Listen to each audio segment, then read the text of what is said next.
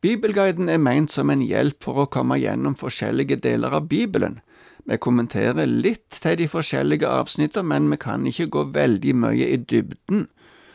Vi holder fremdeles på i Andre Mosebok, vi er i kapittel 30 og så sist gang på noen forskrifter i forbindelse med ofringer, en skatt som de skulle betale, vi så på røykofferalter som skulle lages, og et vaskefat for at prestene skulle vaske seg i forbindelse med sin gudstjeneste. Nå skal vi se at Moses får oppskrifter for den oljen som skulle brukes til salving av tabernakelet og alt utstyret i det, og òg prestene skulle salves og etterpå kommer oppskrifter for røykelsen som skulle brennes innenfor det hellige. Vi skal først lese det avsnittet som handler om salvingsoljen, ifra vers 22 til vers 33 i kapittel 30, altså. Herren sa til Moses, Ta krydret balsam av beste slag, 500 sjekel flytende myrra, halvparten så mye, eller 250 sjekel velluktende kanel, 250 sjekel velluktende sukkerrør og 500 sjekel kassia, alt etter helligdommens vekt, og dessuten en hin olivenolje. Av dette skal du lage en hellig salvingsolje, en duftende blanding slik en salveblander gjør det. En hellig salvingsolje skal det være. Med den skal du salve telthelligdommen, kisten med vitnesbyrdet, bordet med alt som hører til, lysestaken med det som hører til, røkelsesalteret, brennofferalteret med alt som hører til det, og fatet med understell. Du skal hellige dem så de blir høyhellige.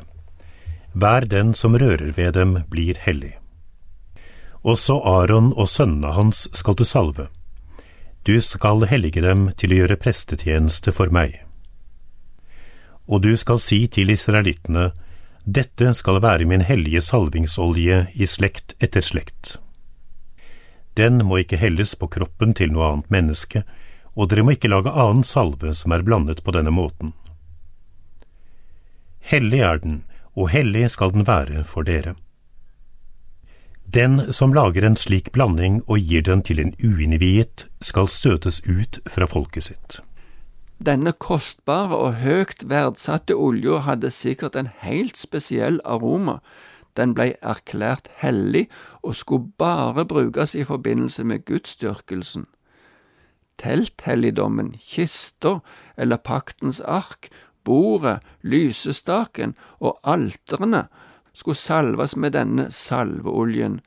Dessuten skulle òg Aron og sønnene hans salves med den men ingen og ingenting som ikke skulle være med i gudstjenesten. Det krevdes en fagmann til å lage dette skikkelig på samme måte som med røykelsen, som vi ser på i det neste avsnittet. Vi leser nå ifra vers 34 til 38.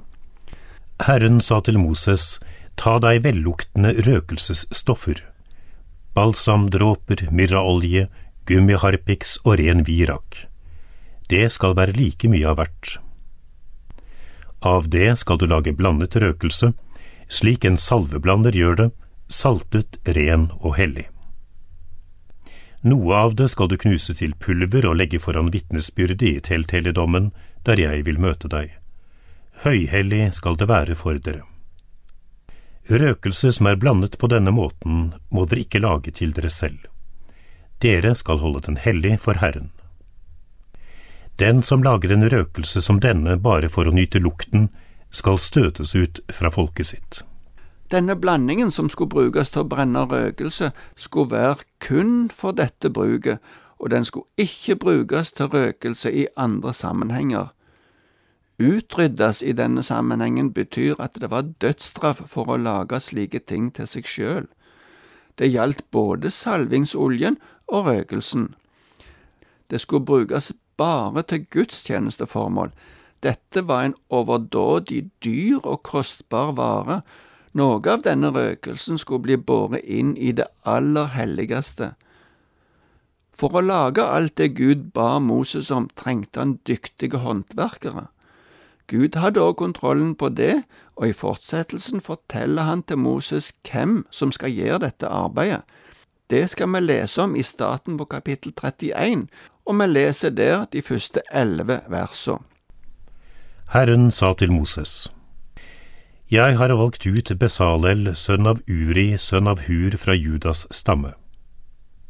Jeg har fylt ham med Guds ånd, med visdom og innsikt, og med kunnskap og dyktighet i alle slags håndverk, så han kan tenke ut og lage kunstferdige arbeider i gull, sølv og bronse, slipe steiner til innfatning, skjære ut i tre og utføre alle slags håndverksarbeid. Til medhjelper har jeg gitt ham Oholiab, sønn av Ahisamak fra Dans stamme. Jeg har gitt visdom i hjertet til alle som har forstand, så de kan lage alt jeg har pålagt deg.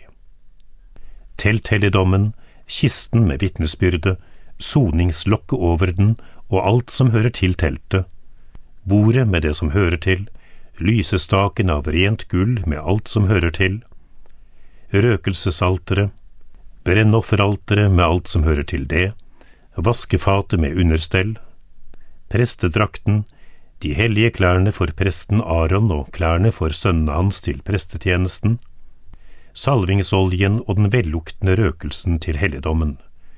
De skal gjøre alt slik jeg har pålagt deg. Kanskje de som nevnes her, var de som skulle lede dette arbeidet, og at de hadde flere håndverkere med seg. I teksten her ser vi at Gud hadde valgt de ut. I Norsk Bibels oversettelse står det at Gud hadde kalt de til denne oppgaven. Navnet Besalel betyr i Guds skygge. Gud hadde fylt han med sin ånd, står det. Dette er et flott uttrykk for Den hellige ånds arbeid òg i gammeltestamentlig tid. Ånden i han gjorde at han hadde visdom, innsikt, kunnskap og dyktighet for å klare denne oppgaven. Det er ikke ofte vi tenker på at Den hellige ånd, eller Guds ånd, også virka i Det gamle testamentets tid. Det er naturlig å tenke i dette tilfellet at Ånden utrusta en person som allerede hadde spesielle gaver, gjerne at han var en kunstner. Dette er nok tilfellet i mange situasjoner òg i menighetens tidsalder. Vi skiller ofte mellom naturgaver og nådegaver, men det kan ofte være slik at en som har en naturgave i utgangspunktet, blir utrusta til å utnytte denne enda mer fordi Den hellige ånd virker i vedkommende. Men det skjer òg at Ånden gir gaver som en person ikke hadde ifra før. Men det kan vi ikke si mer om akkurat nå. Oholiab, som blei Besalels viktigste medhjelper, hadde òg fått visdom i hjertet, og det var sikkert på samme måten et verk av Den hellige ånd og Guds kall. Oholiab betyr farens telt, og kan hentyde på at han levde nær Gud, som er far for sitt folk.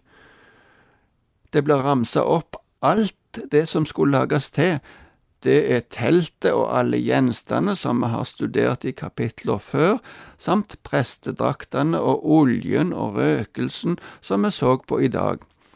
De får tydelig beskjed om å gjøre alt etter den oppskrifta som Gud hadde gitt til Moses. Det er naturlig å tenke at det var mange personer med i dette arbeidet, og at disse to som nevnes, var de som ledet hele arbeidet og kontrollerte at det skjedde slik som det skulle skje. I resten av kapittelet understrekes sabbatsbudet igjen. Vi leser dette avsnittet nå ifra vers 12 til 18. Herren sa til Moses, Du skal si til israelittene, mine sabbater skal dere holde, for sabbaten er et tegn mellom meg og dere i slekt etter slekt, for at dere skal kjenne at det er jeg, Herren, som helliger dere. Dere skal holde sabbaten, den skal være hellig for dere. Den som vanhelliger sabbaten, skal dø. Enhver som gjør noe arbeid på den, skal støtes ut fra folket sitt. I seks dager kan det gjøres arbeid, men den sjuende dagen skal være sabbat, en hellig hviledag for Herren. Hver den som gjør noe arbeid på sabbatsdagen, skal dø. Israelittene skal ta vare på sabbaten, så de holder den i slekt etter slekt som en evig pakt. Den skal være et tegn mellom meg og israelittene til evig tid. For på seks dager skapte Herren himmelen og jorden, men den sjuende dagen hvilte han og pustet rolig ut.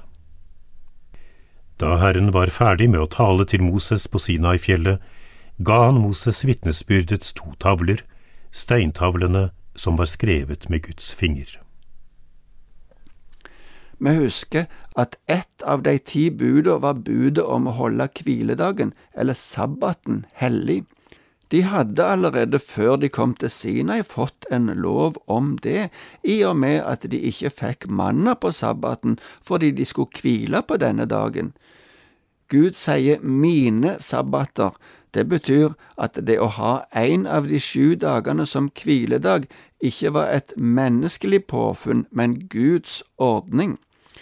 Gud sier videre at det skal være et tegn mellom folket og Gud.